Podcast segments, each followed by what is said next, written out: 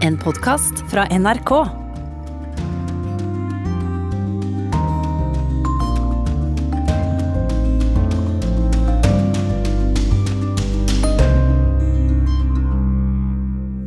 Velkommen til Urix på lørdag. En kort flyreise fra Norge har en krig blusset opp. Fremmedkrigere fra Syria er satt inn i Kaukasus. Vi er i Nagorno-Karabakh sammen med syriske leiesoldater som slåss på aserbajdsjansk side mot armenske soldater i den kanskje mest blodige konflikten i verden akkurat nå. Vippestater, vippestater, det hører vi stadig vekk om foran presidentvalget i USA. Og vi skal besøke en av de spennende vippestatene og høre om velgerbeskyttelsesavdelinger. Pakistan har klart seg overraskende godt under koronakrisen. Vi møter landets helseminister, som tok på seg jobben midt under pandemien. Hvem har lyst til å bli helseminister nå, spør jeg. Yeah, madman. Uh, you have to be completely crazy, I think, to do and accept this. Du må være gal for å si ja til en slik jobb nå. Sosialistenes overraskende seier i valget i Bolivia er også tema. Korrespondentbrevet fra London handler om reven som sneik seg med på Kveldsnytt. Og det er veldig dyrt å ta høyere utdanning i USA. Mer om det i ukens podkast. De betaler eh, borti et par millioner kroner for en fireårs universitetsutdannelse. Den amerikanske drømmen er på en måte det som ordet sier. Det er en drøm som ikke er en virkelighet. Her i studio denne lørdagen, Øystein Heggen. I Kaukasus har det også siste døgn vært trefninger mellom Aserbajdsjan og Armenia om Nagorno-Karabakh. 5000 mennesker har dødd i oppblussingen av krigen denne høsten, ifølge Russlands president Vladimir Putin, og han sitter nok på god etterretning. Mange hevder at krigen aldri hadde fått et slikt omfang om ikke Tyrkia hadde gått inn med full støtte til Aserbajdsjan, og det med hjelp av leiesoldater fra opprørsgrupper i Syria.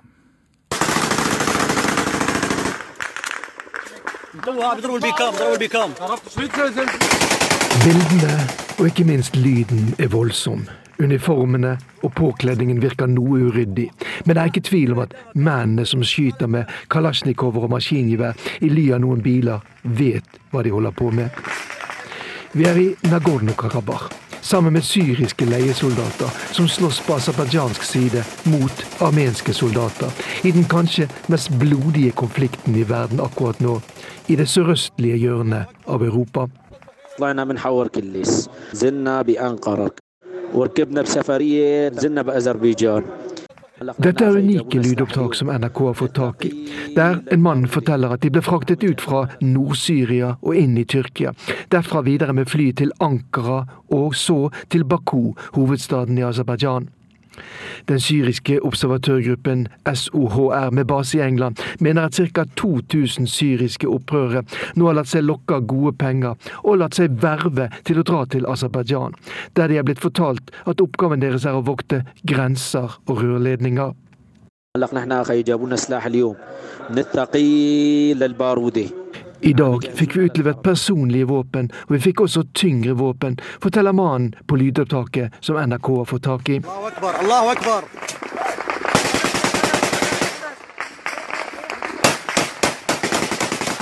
Det er en nådeløs konflikt de kommer til. Leiesoldatene er sendt til første linje ved fronten, der mange av dem har måttet kjempe en kamp på liv og død.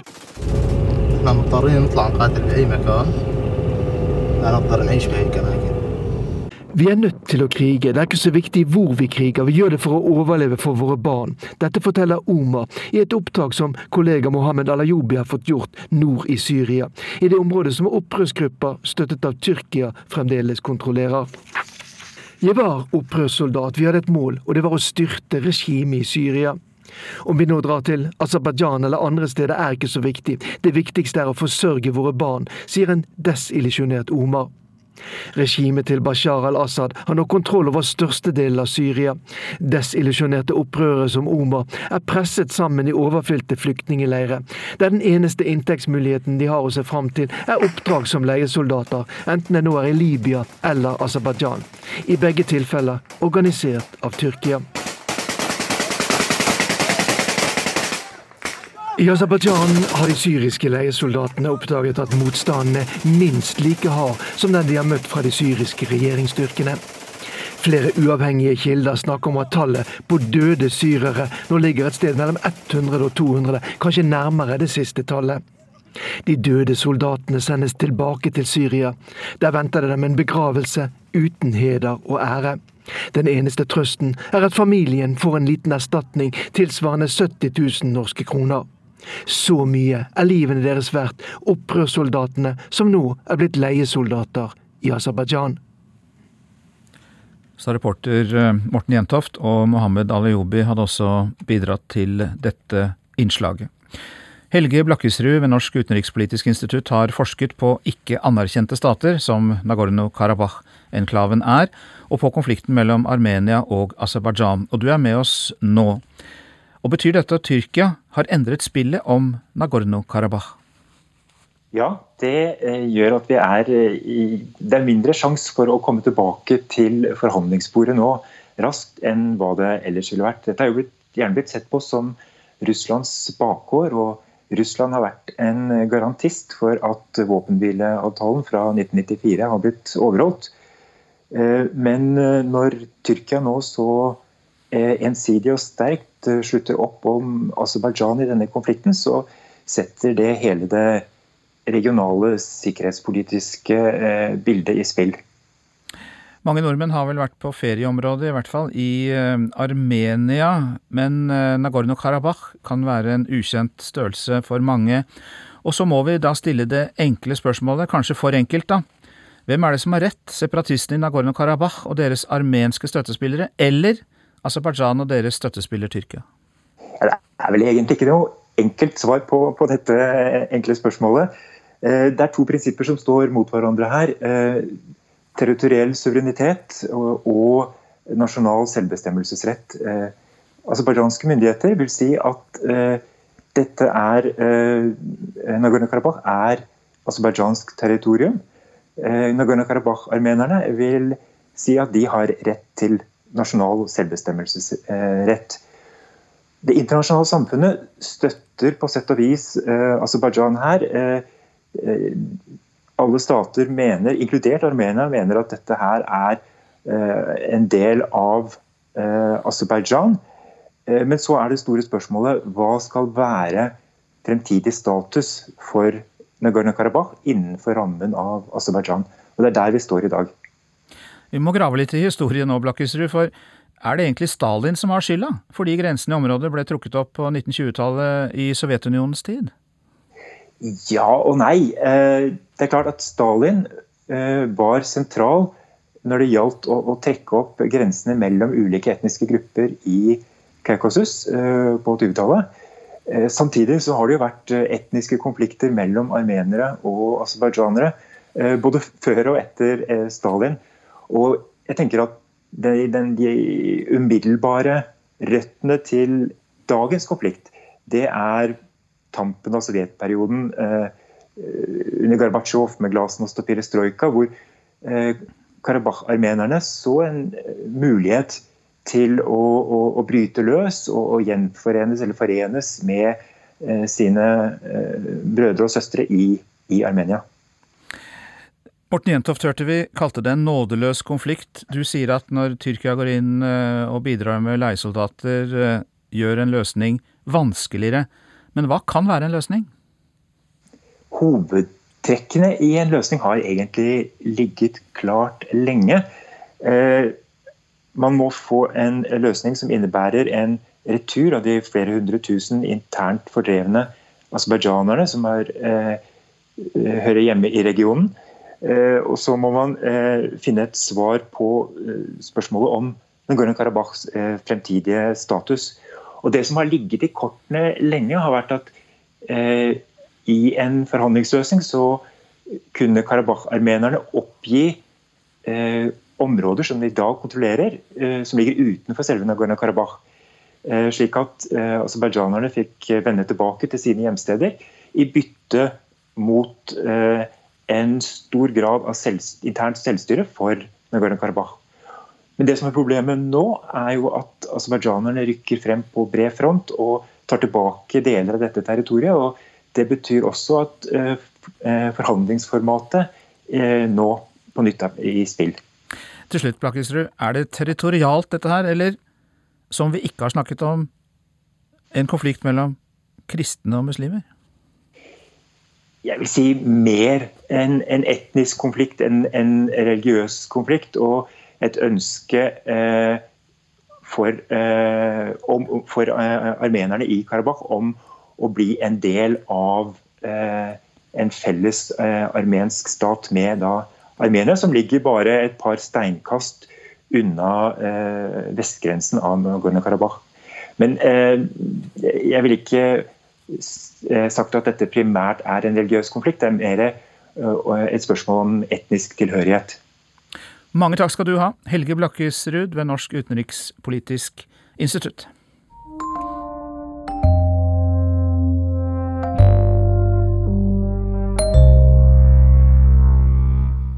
Ved presidentvalget i 2016 vant Donald Trump delstaten Pennsylvania med bare 44 000 stemmer, og i det store USA er jo det veldig lite. Lucerne fylke i det nordøstlige Pennsylvania stemte overveldende for Obama i 2012, men enda mer overveldende for Trump i 2016. Så nå forsøker demokratene å ta Lucerne tilbake. Og dermed gir vi ordet til reporter Gro Holm, som er der. Det er uh, mye aktivitet her. Det er ingen republikansk stand her, men det er en for Biden-Harris. Så er det ganske lang kø, og det er kanskje ikke så overraskende masse eldre folk. Og en av de som er veldig aktive her når det gjelder å snakke med velgere, han har langt grått hår og grønn skjorte og solbriller, selv om det er skygge. The Industrial Revolution was generated from Luzerne County and the rest of northeastern Pennsylvania with the highest quality coal. And now what's happened is that these people have become disposable. Den industrielle revolusjonen startet her i Luzern fylke i det nordøstlige Pennsylvania med kull av høyeste kvalitet. Nå føler folk at det ikke er bruk for dem lenger. De er sinte, familier faller fra hverandre. Mange stemte på Trump for å gi eliten en nesestyver, sier Bob Caruso. Han jobber for velgerbeskyttelsesavdelingen i Det demokratiske partiet. Many people are bringing their mail-in ballots personally to drop them off at the Election Bureau so they don't have to go through the mail system, which has become suspect. So what I'm looking for is like those envelopes there. That looks good, but I've seen a few people arrive with the envelopes open, without the proper ballots. Mange har med poststemmene sine for å legge dem inn i valgurna personlig. Noen kommer med åpne konvolutter uten riktig stemmeseddel og feil utfylling. Jeg sørger for at stemmene deres ikke blir bortkastet. Selv om Biden leder med rundt 6% på meningsmålingene her i Pennsylvania, tar demokratene nå ingen sjanser. Kathy Bresinski leder Det demokratiske partiet i Luzern. Hun ble overrasket over den lange køen med velgere utenfor valglokalet i fylkessenteret Wilkes-Bar. I 2016 følte folk her seg oversett av Hillary Clinton, forteller Kathy. I, if I've heard it once, I've heard it a thousand times. People coming to me and saying, Hillary never came here in 2016. There was no presence here in the community for the Hillary campaign. You couldn't even get a sign to put in your yard. Folk har kommet til meg ah. tusen ganger og sagt at Hillary kom aldri hit i 2016. Du kunne ikke engang få tak i et Hillary-skilt til å sette opp i hagen uten å betale 25 dollar, eller forplikte deg til 15 timer med dør-til-dør-aksjon for Hillary. Mange eldre orket ikke det, sier Cathy. En blå metallkasse er satt opp like før sikkerhetskontrollen inn i valglokalet, der ferdig utfylte stemmesedler kan droppes. Ann Hopkins har akkurat droppet sin. Joe Biden. Uh-huh. Why is that? I'm sorry, to me he's a disgrace. Anne stemte på Biden. For meg er presidenten en skamplett bare ved å være den personen han er, sier hun. Hun er riktignok mot abort, men mener det viktigste er å bli kvitt Trump. Joe Biden, definitely. We're trying to save our country.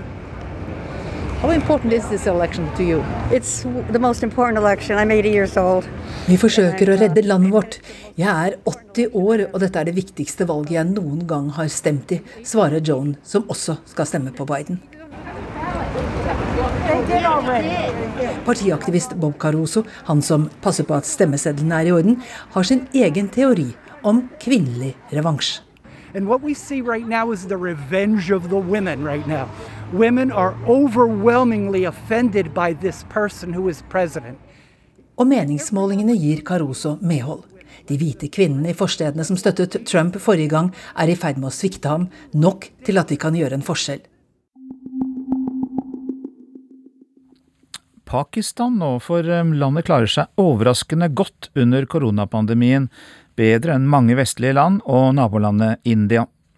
Landets helseminister dr. Faisal Sultan forstår ikke helt hvorfor. Han sa ja til jobben midt under pandemien. Bare en gal mann sier ja til en slik jobb nå, sier han til NRK. Sissel Wold traff ham i Islamabad.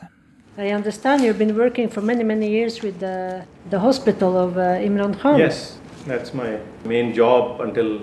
Helseminister Faisal Sultan tar imot oss i Helsedepartementet.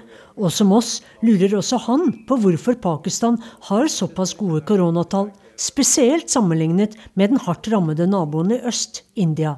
Here, in the case of Pakistan and India, um, these differences ought not to be very big because at the end of the day, uh, similar kinds of population, somewhat similar genetically, somewhat similar uh, geography, and, and high density population. So it is a good question.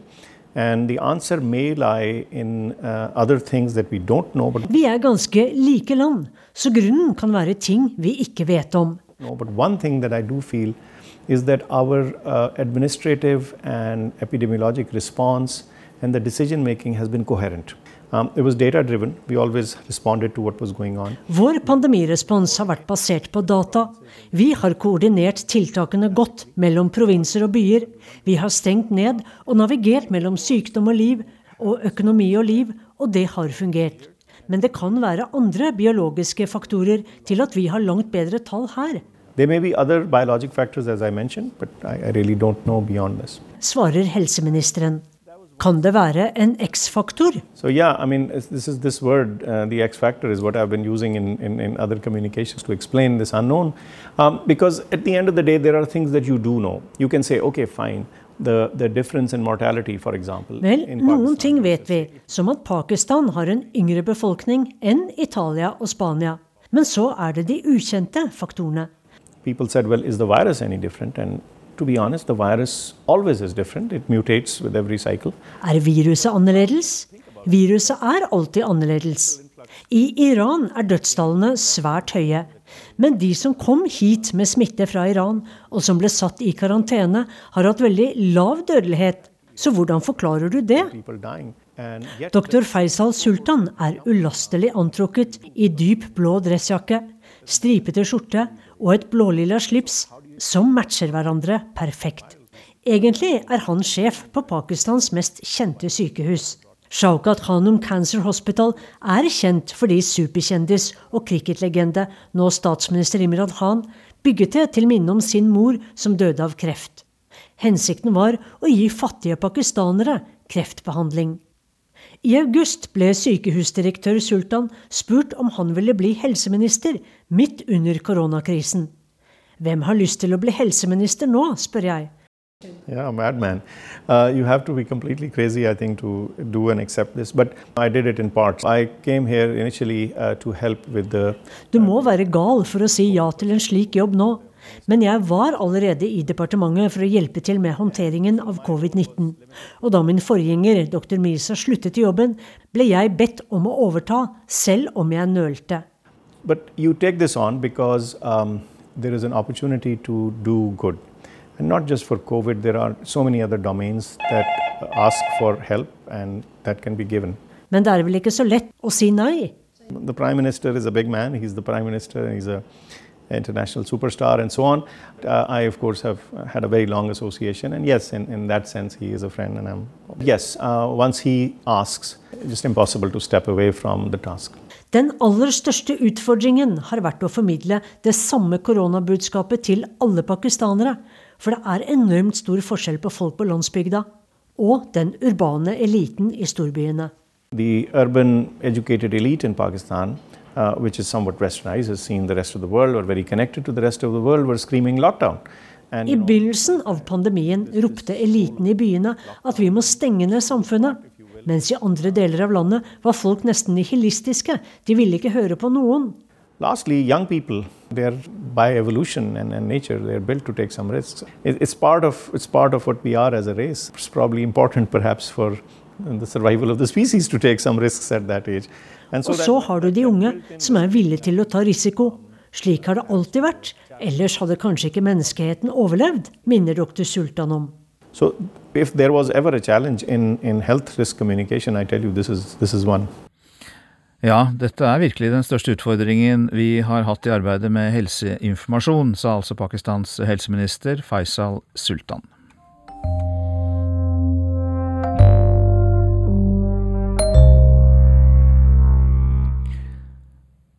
til Latin-Amerika og Bolivia, for eh, i Bolivia vant sosialistpartiet en klar seier i parlamentsvalget nylig. Det er et dramatisk vendepunkt etter at partileder og president Evo Morales ble styrtet i fjor, i det mange mener var et statskupp. Og Arnt Stefansen har dekket valget i Bolivia. Sosialistpartiets presidentkandidat Luis Arce og hans medarbeidere jubler over resultatet av presidentvalget sist søndag. Med nærmere 55% av stemmene vant Bolivias venstreside en knusende seier. Men hva vil den gjøre med makten? Selv om vi har et flertall, er det nå nødvendig å bygge broer, slik at vi kan danne en regjering som jobber for enhet mellom alle bolivianere, sier den påtroppende presidenten. Men etter det som har skjedd i Bolivia det siste året, er det mange som har mye å hevne. November i fjor. I byer over hele Bolivia er det borgerkrigslignende tilstander etter at sosialistpartiet og president Evo Morales er blitt beskyldt for fusk i forbindelse med valget. Det hele endte med at han måtte rømme landet etter råd fra den militære ledelsen. Mange kaller det statskupp que ellos fueron los que entraron al gobierno interrumpiendo el proceso democrático con un golpe de Estado. Det var folk på høyresiden som tok makten ved å avbryte den demokratiske prosessen med et brutalt slag. De brukte makt, de brukte våpen, og de drepte folk, sier den påtroppende presidenten Luis Arce. Han var finansminister under Evo Morales, og han var arkitekten for det som er blitt kalt Bolivias økonomiske under. I 13 år vokste Bolivias økonomi med nærmere 5% i året. Det ga en firedobling av nasjonalproduktet. I tillegg ble andelen ekstremt fattige redusert fra 38 til 17% Evo Morales var Bolivias første president fra urfolket, og hans styre betydde svært mye for å styrke urfolks selvfølelse og identitet. Valgresultatet sist søndag var et sjokk for Bolivias høyreside. Meningsmålerne bommet totalt, noe som bekrefter avstanden mellom den hovedsakelig hvite eliten i byene og fattige urinnvånere på landsbygda. Her i høyrebastionen Santa Cruz har mange bare én forklaring på resultatet valgfusk. Vi vil ikke leve under tyranniet til sosialistpartiet. Vi krever frihet for Bolivia, og den friheten betyr at valget må annulleres, sier høyrevelgeren Richard Rojas, som deltar i en demonstrasjon mot valgresultatet. Men valgobservatørene fra EU, Organisasjon av amerikanske stater og Carter-senteret fastslår at valget ble korrekt avviklet.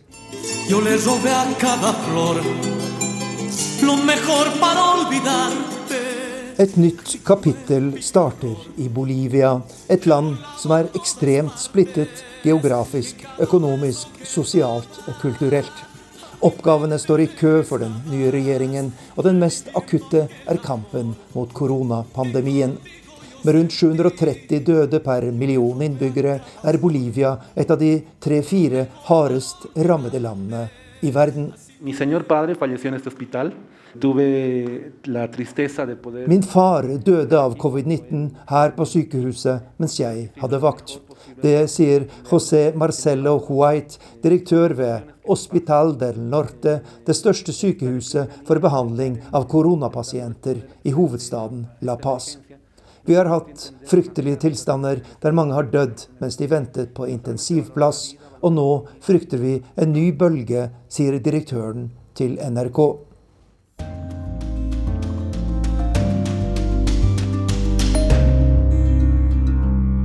Ja, Du lytter til Urix på lørdag, og korrespondentbrevet denne uka er fra London og Øyvind Nyborg. Og det handler bl.a. om den engelske reven som kom på norsk TV. Reaksjonene lot ikke vente på seg etter at en rev gikk og lusket bak meg midt under en direkterapport i Kveldsnytt. Jeg sto utenfor statsministerboligen i Downing Street og snakket om brexit da TV-seerne oppdaget reven snuse rundt trappa til Boris Johnson i kveldslyset. Meldingene tikket inn. Hei, se bak deg, du hadde besøk, skrev en med smiley. Folk ringte publikumsservice i NRK og etterlyste selve nyheten om reven, og om ikke andre medier hadde plukket opp denne verdenssensasjonen. Ah, tenkte jeg, hadde jeg bare blitt gjort oppmerksom på at reven sto bak meg, så kunne jeg kanskje sagt noe lurt på lufta om at jammen så trengte Boris Johnson en rev bak øret for å komme i mål med de fastlåste forhandlingene om brexit. Men det var jo ingen som fikk med seg det jeg sa uansett, på grunn av reven. De brunrøde rakkerne er ikke et uvanlig syn for oss som bor her i England. Bare her i London er det rundt 15 000-20 000 av dem. Men etter alle reaksjonene å dømme fra Norge, så slår det meg jo at rev ikke er et fullt så vanlig syn der hjemme. Og i hvert fall ikke midt i byen. Men her, her har alle en god revehistorie, for å si det sånn. For kort tid siden eksempel, ble to bussjåfører nasjonale helter fordi de hadde reddet en revevalp fra den sikre trafikkdøden. Den hadde viklet seg inn i en potetgullpose, og den lille stakkaren ante ikke hvor den var. Boris Johnson var forresten borgermester i London da en rev snek seg inn på et soverom sørøst i byen, dro en baby ut av barnesenga og beit av en av fingrene til barnet. Reven ble skutt, og Boris ble bedt om å ta affære mot de økende problemene med rev. Men å skyte flere rev i London vil være uhørt. Protestene ville blitt for store.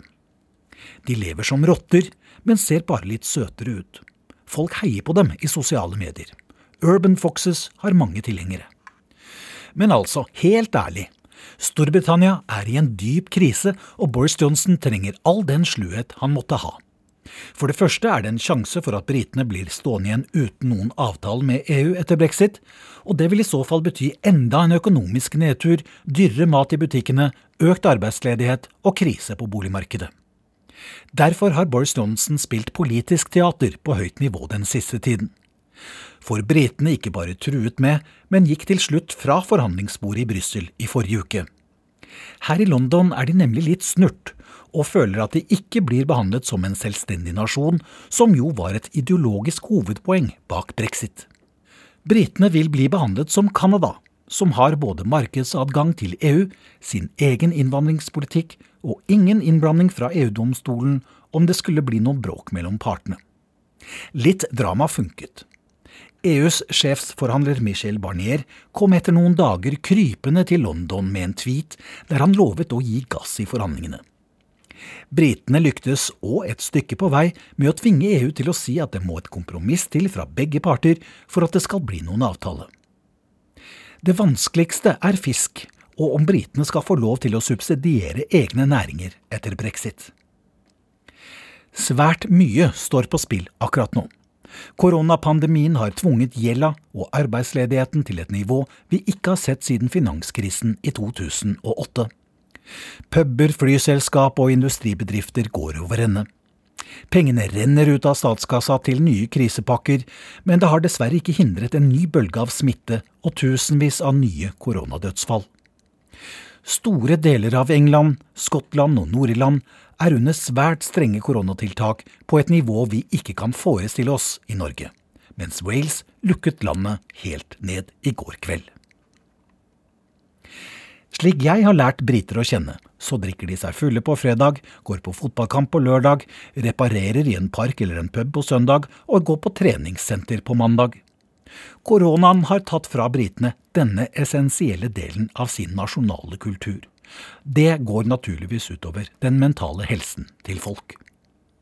I Wales er tanken å bruke høstferien til skolene som en mulighet til å ta en omstart av hele samfunnet. Meningen er å forsøke å få kontroll på smitten til jul, selv om vi alle innerst inne vet at juleselskapene for lengst er avlyst i år. En ny lockdown gir òg en mulighet til å rette de verste feilene med et delvis skandaløst koronatest- og smittesporingsarbeid. Det har bl.a. kommet fram at myndighetene registrerer nye smittetilfeller for hånd, bruker Excel-ark på gamle PC-er som kneler. Det måtte gå gærent, som mye annet som rakner her nå for tiden. Koronaen går utover en befolkning som allerede strir med sitt. En by i England hadde over 2300 koronasmittede per 100 000 denne uka. Det er munnbindbruk overalt.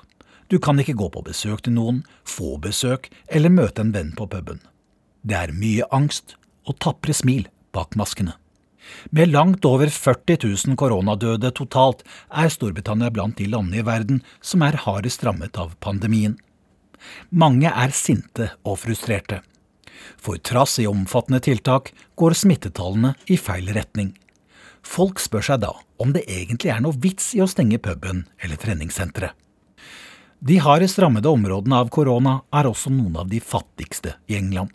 Verst er de Liverpool, Manchester, Lancashire og South Yorkshire. I dette britiske rustbeltet sto gamle Arbeiderpartibastioner for fall ved forrige valg, og mange stemte på det konservative partiet for første gang. Etter ti år med smalhans og kuttpolitikk etter finanskrisen skulle endelig folk se lyst på livet igjen. Britisk storhet skulle reise seg fri fra EUs lenker.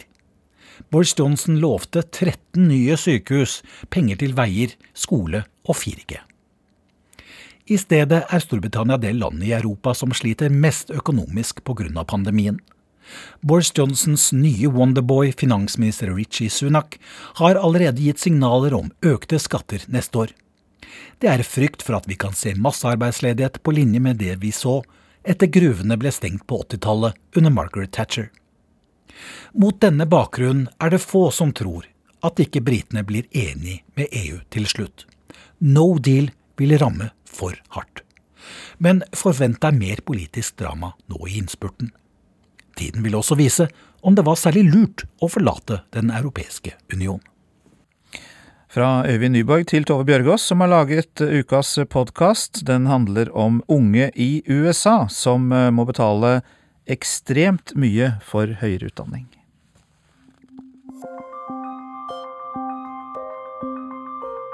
This land was made for you and me. We will honor the American people with the truth and nothing else. For Lord's sake, this is the United States of America. God bless the USA.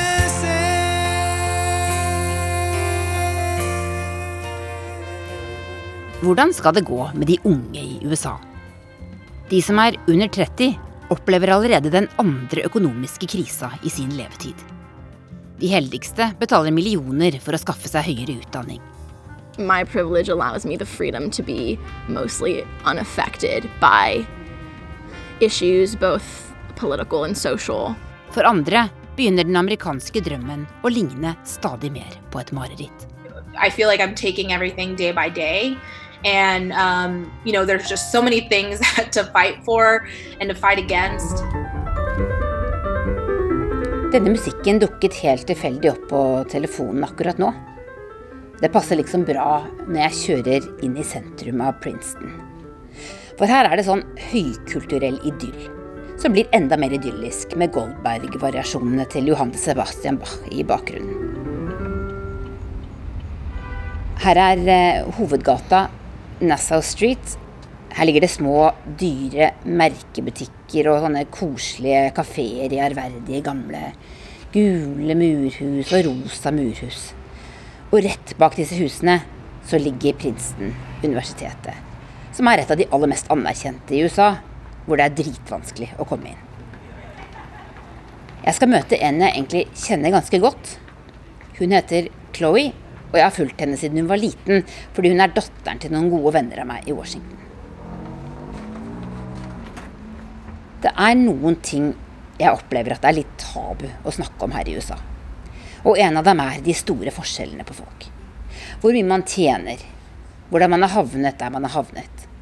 Hvordan man kom inn på Princeton. Slike ting. Men jeg har forberedt Chloé på at jeg vil snakke om det også. Hello. Hi. How are you? Good to see you. Vi møtes utenfor et superlekkert fransk konditori. So what's good here? My dad always comes here when he's in town, and like he always invites me here so we can like split a dessert, or he can get me a dessert, but. My name is Chloe Searchinger. I am 20 years old, and we are currently on the campus of Princeton University. So, what are you studying? So, I am studying um, in the School of Public International Affairs with certificates, kind of our equivalent of minors in global health policy. I've known you since you were about Yeah. like nine years old. I think so, yeah, eight or nine. and I followed you through uh, your school and and sort of to college. And Yeah. and uh, and you grew up. Where did you grow up? So I grew up in a suburb of Washington D.C. called Tacoma Park, um, a very liberal suburb. Um, people kind of joke, jokingly refer to it as the land of the Prius. There are a lot of electric cars. Um, yeah, so so right outside of D.C. in Maryland. And then what schools did you go to? So I went to the Potomac School, which is a K through 12 independent school in McLean, Virginia, from second grade to senior year. A private school. A private school, yes. Um, and then I came here to Princeton University as an undergrad. How difficult it is to get into Princeton? Um, so Princeton, it's definitely really difficult to get in. I think our acceptance rate is currently around six percent or five percent. It's a school that had a lot of students want to apply to. It's definitely kind of um, a lot of its departments um, and fields kind of lead. Uh, are kind of leaders in their nation in the nation, um, and a lot of international students also apply. So, How did how did you? Were, were you just really really smart? So, no, I mean, full disclosure, um, my, well, my, so my dad is a faculty member here. Um, he teaches here. He teaches here. Um, he's a research scholar and he teaches part time. Um, and so I guess kind of, I guess that could be perceived. That's definitely some sort of connection to get in. How does that help? Um, I mean, I don't really know, like formally. I mean, kind of the admission. It's all not, nothing is public. Um, it's all kind of, I guess, what goes on behind closed doors. How much does it cost to stay here a year? Tuition is around forty thousand uh, a little more than forty thousand dollars a year, and then with room and board um, between sixty and seventy thousand dollars annually. But Princeton is actually, um, I think, the lead the leader in financial aid in the U.S. Schools like Princeton that have really large endowments um, are able to view applicants need blind, so they don't, you know, evaluate your family's ability to pay. How are you paying for this? So my parents are paying for me. Um, yeah, and that's pretty normal in the U.S., right? The expectation in the U.S. is that you find a way to pay for it on your own, and so a lot of families in the U.S. plan for this. They plan for when you have kids, um, college expense. But I, I, and this is hard for me to answer because I definitely, or I yeah live in a part of America where I would say most of my peers and myself, college is paid for by your families.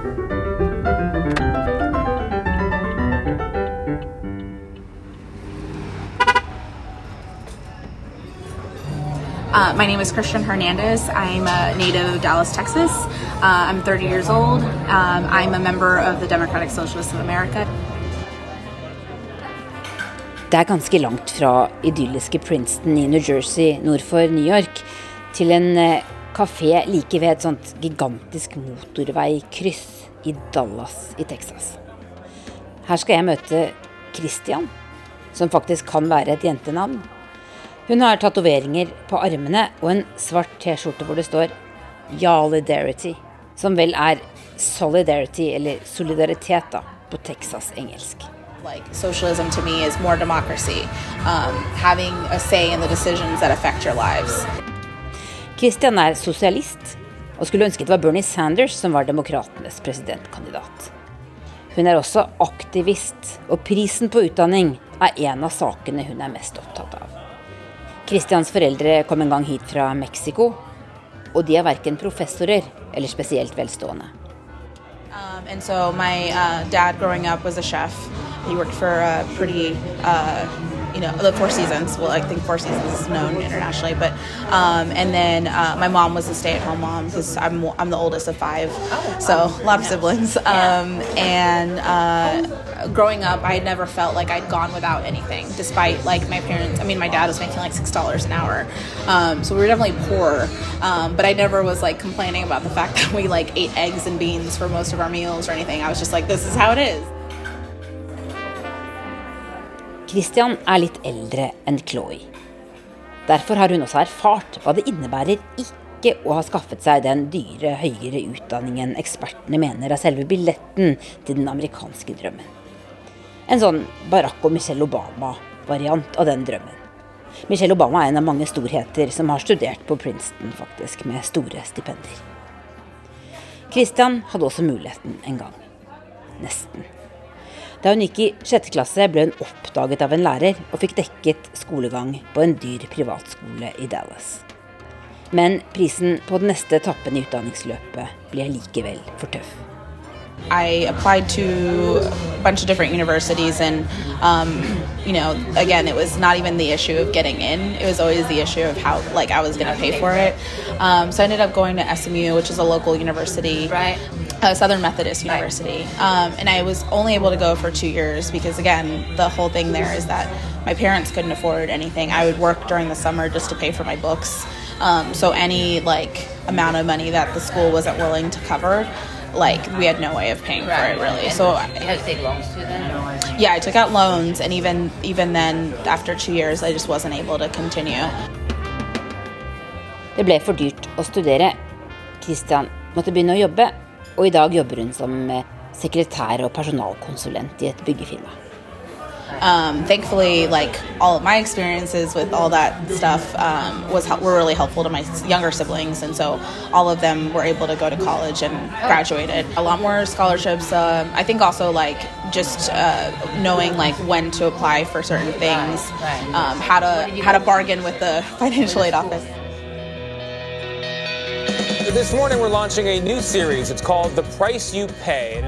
Denne uka så ble det lagt fram en indeks som viser hva høyere utdanning koster i 50 forskjellige land.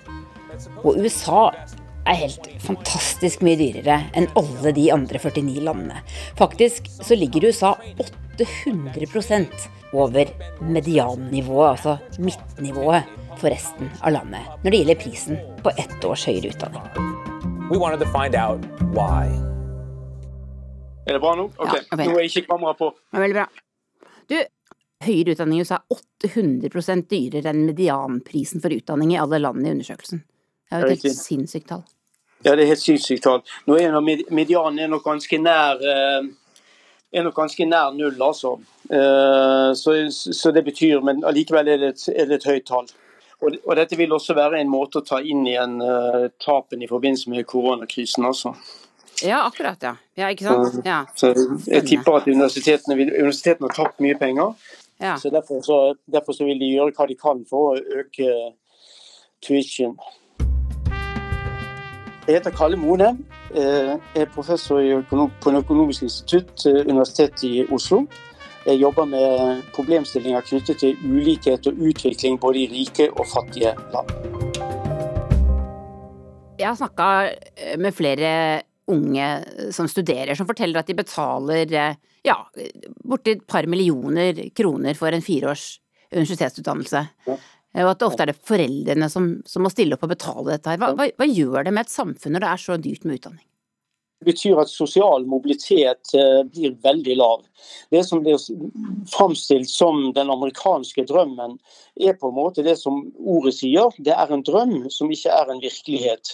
Eh, Når en har stor ulikhet eh, mellom grupper og individer i et samfunn, så forsterkes dette dersom det er slik at man betaler høye skolepenger, altså studieavgifter på de kostbare universitetene. Som er, det er mye mye mer kostbart, som du nevnte, enn enn det vi kjenner til fra europeiske forhold. Når en må betale mye for å komme ut av den situasjonen en er i, så kommer en ikke ut. For en har ikke de midlene som skal til. Det er vanskelig å låne til utdanning. Det går nesten ikke an. Det er ikke noe sikkerhet en kan tilby når en skal låne til utdanning. Og når en skal betale dyre skolepenger, så blir det utdanning for de som allerede har midler i familien. Og det bare forsterker forskjellene, og det forhindrer sosial mobilitet.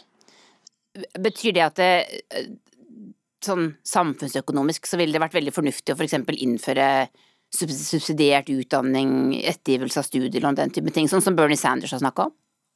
Ja, det tror jeg absolutt. Jeg må forvente det til at talentene er eh, likt fordelt over hele eh, inntektsskalaen betinget av foreldrenes inntekt. At det er like mye talenter som er der som det er andre steder. Og Dette betyr jo en veldig sløsing med at masse talenter ikke får eh, spesialisert seg til å ta den utdanning som de både har lyst til og har kanskje gode evner for. Så samfunnsøkonomisk er jo dette en katastrofe. Campus is right there. So this is like Nassau Street. I thought we would walk, take you to the front gates just so you can see. Chloe viser meg rundt inne på universitetsområdet på Princeton. Det ser litt sånn Harry Potter-aktig ut her på den store plassen mellom bygningene. En kan liksom se for seg John F. Kennedy, Albert Einstein og Michelle Obama haste rundt mellom forelesningene. Relativt sett er det mye dyrere å studere her nå enn det var for noen tiår siden. For prisen på utdanning har eksplodert i USA de siste tiårene. I takt med både inntektsforskjellene og utsiktene til faste, trygge jobber. Det er nettopp det som gjør at framtida til Chloes generasjon er i fare. Hun vet at hun er en av de virkelig heldige, selv om hun jobbet knallhardt på videregående for å komme inn her. Og hun kommer ikke engang fra en steinrik familie, bare fra en i den øvre middelklassen som har råd til å betale skolepengene. You're not one of the richest yeah. people in America. No, no, I'm not. Um, I it's I think really hard and uncomfortable to talk about like economic status. I think that something that the current discussions about diversity and the importance of diversity lack almost are our discussions about socioeconomics. I think it is taboo to talk about. I, I think find that interesting because in Norway, uh, for instance, it's pretty common to tell people how much you paid for your house. Or yeah. Oh, absolutely not. Absolutely not.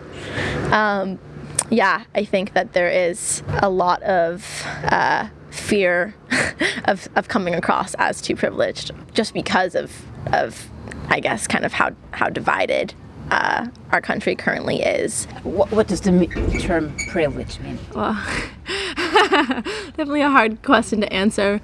Um, privilege means that you don't have to think about certain issues on a daily basis. So you don't have to think about like I am a white woman, upper middle class woman in Amer- living in America. So that means that on a daily basis, I don't have to think about how I'm perceived based on my race. I don't have to worry about where I'm going to find my next meal or um, how I'm going to support my family.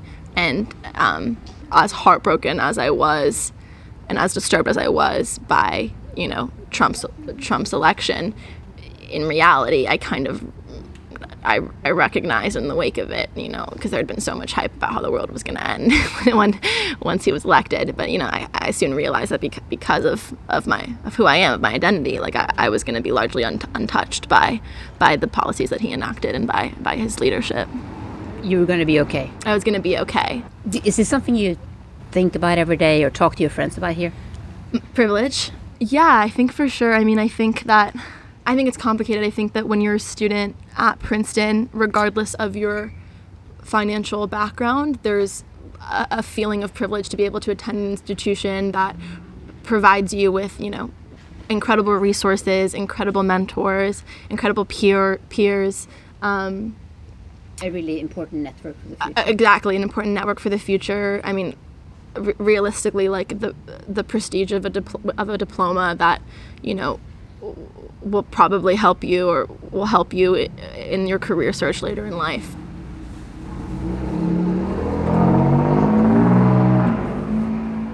Går går langt nok tilbake, så var jo USA det mest egalitære landet i verden.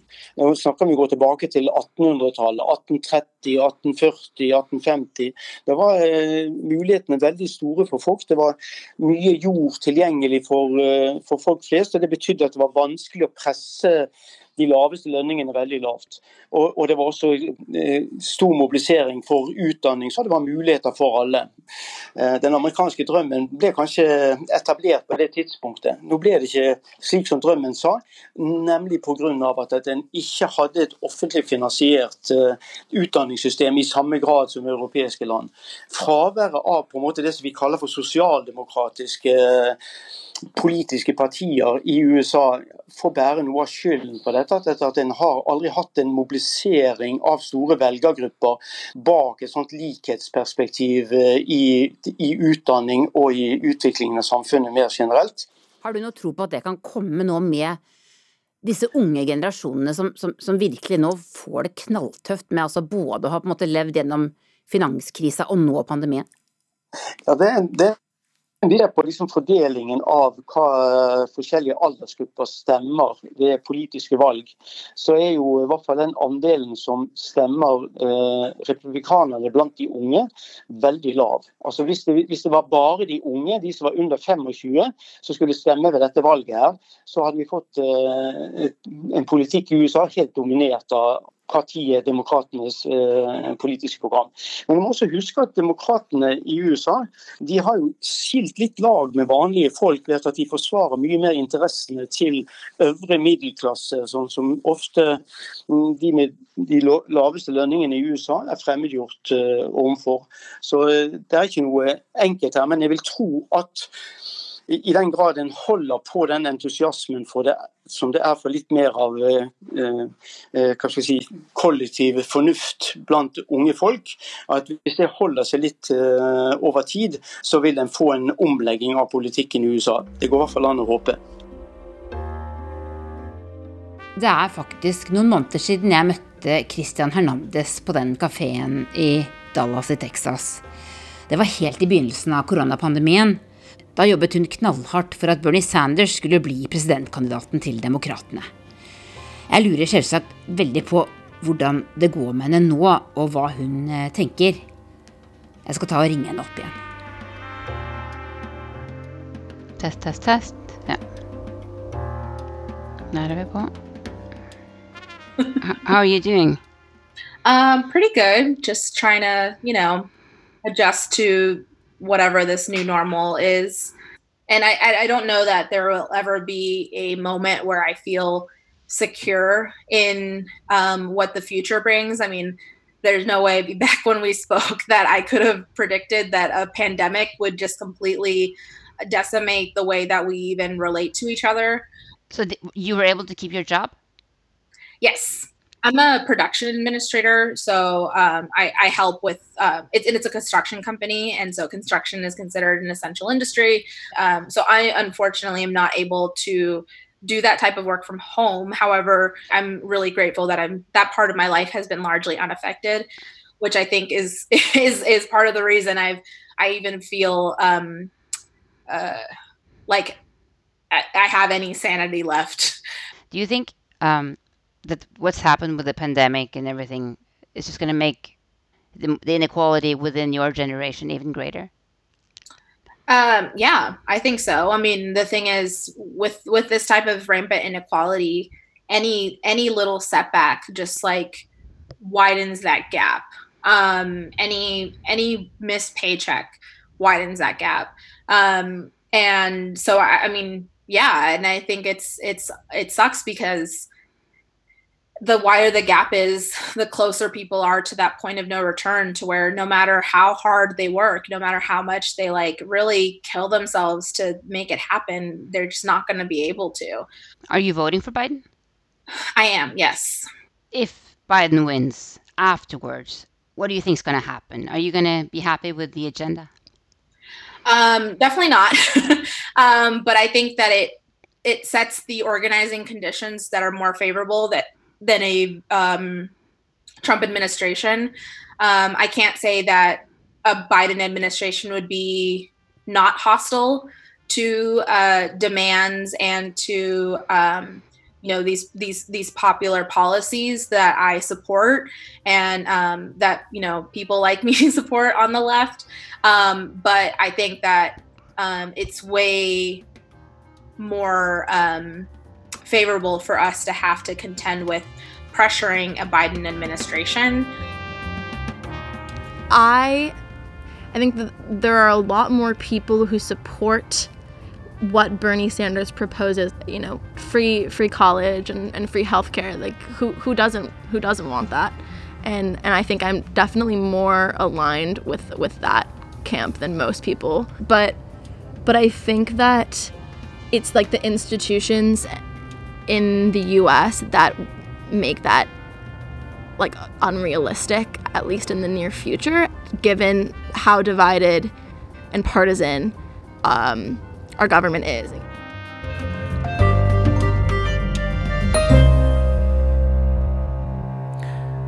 Denne podkasten i serien Krig og fred var ved Tove Bjørgaas. Teknisk regi var ved Lisbeth Sellereite.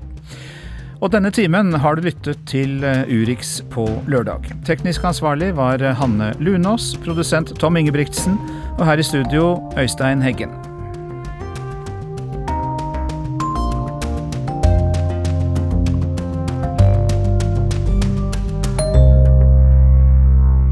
Du har hørt en podkast fra NRK. Hør flere podkaster og din NRK-kanal i appen NRK Radio.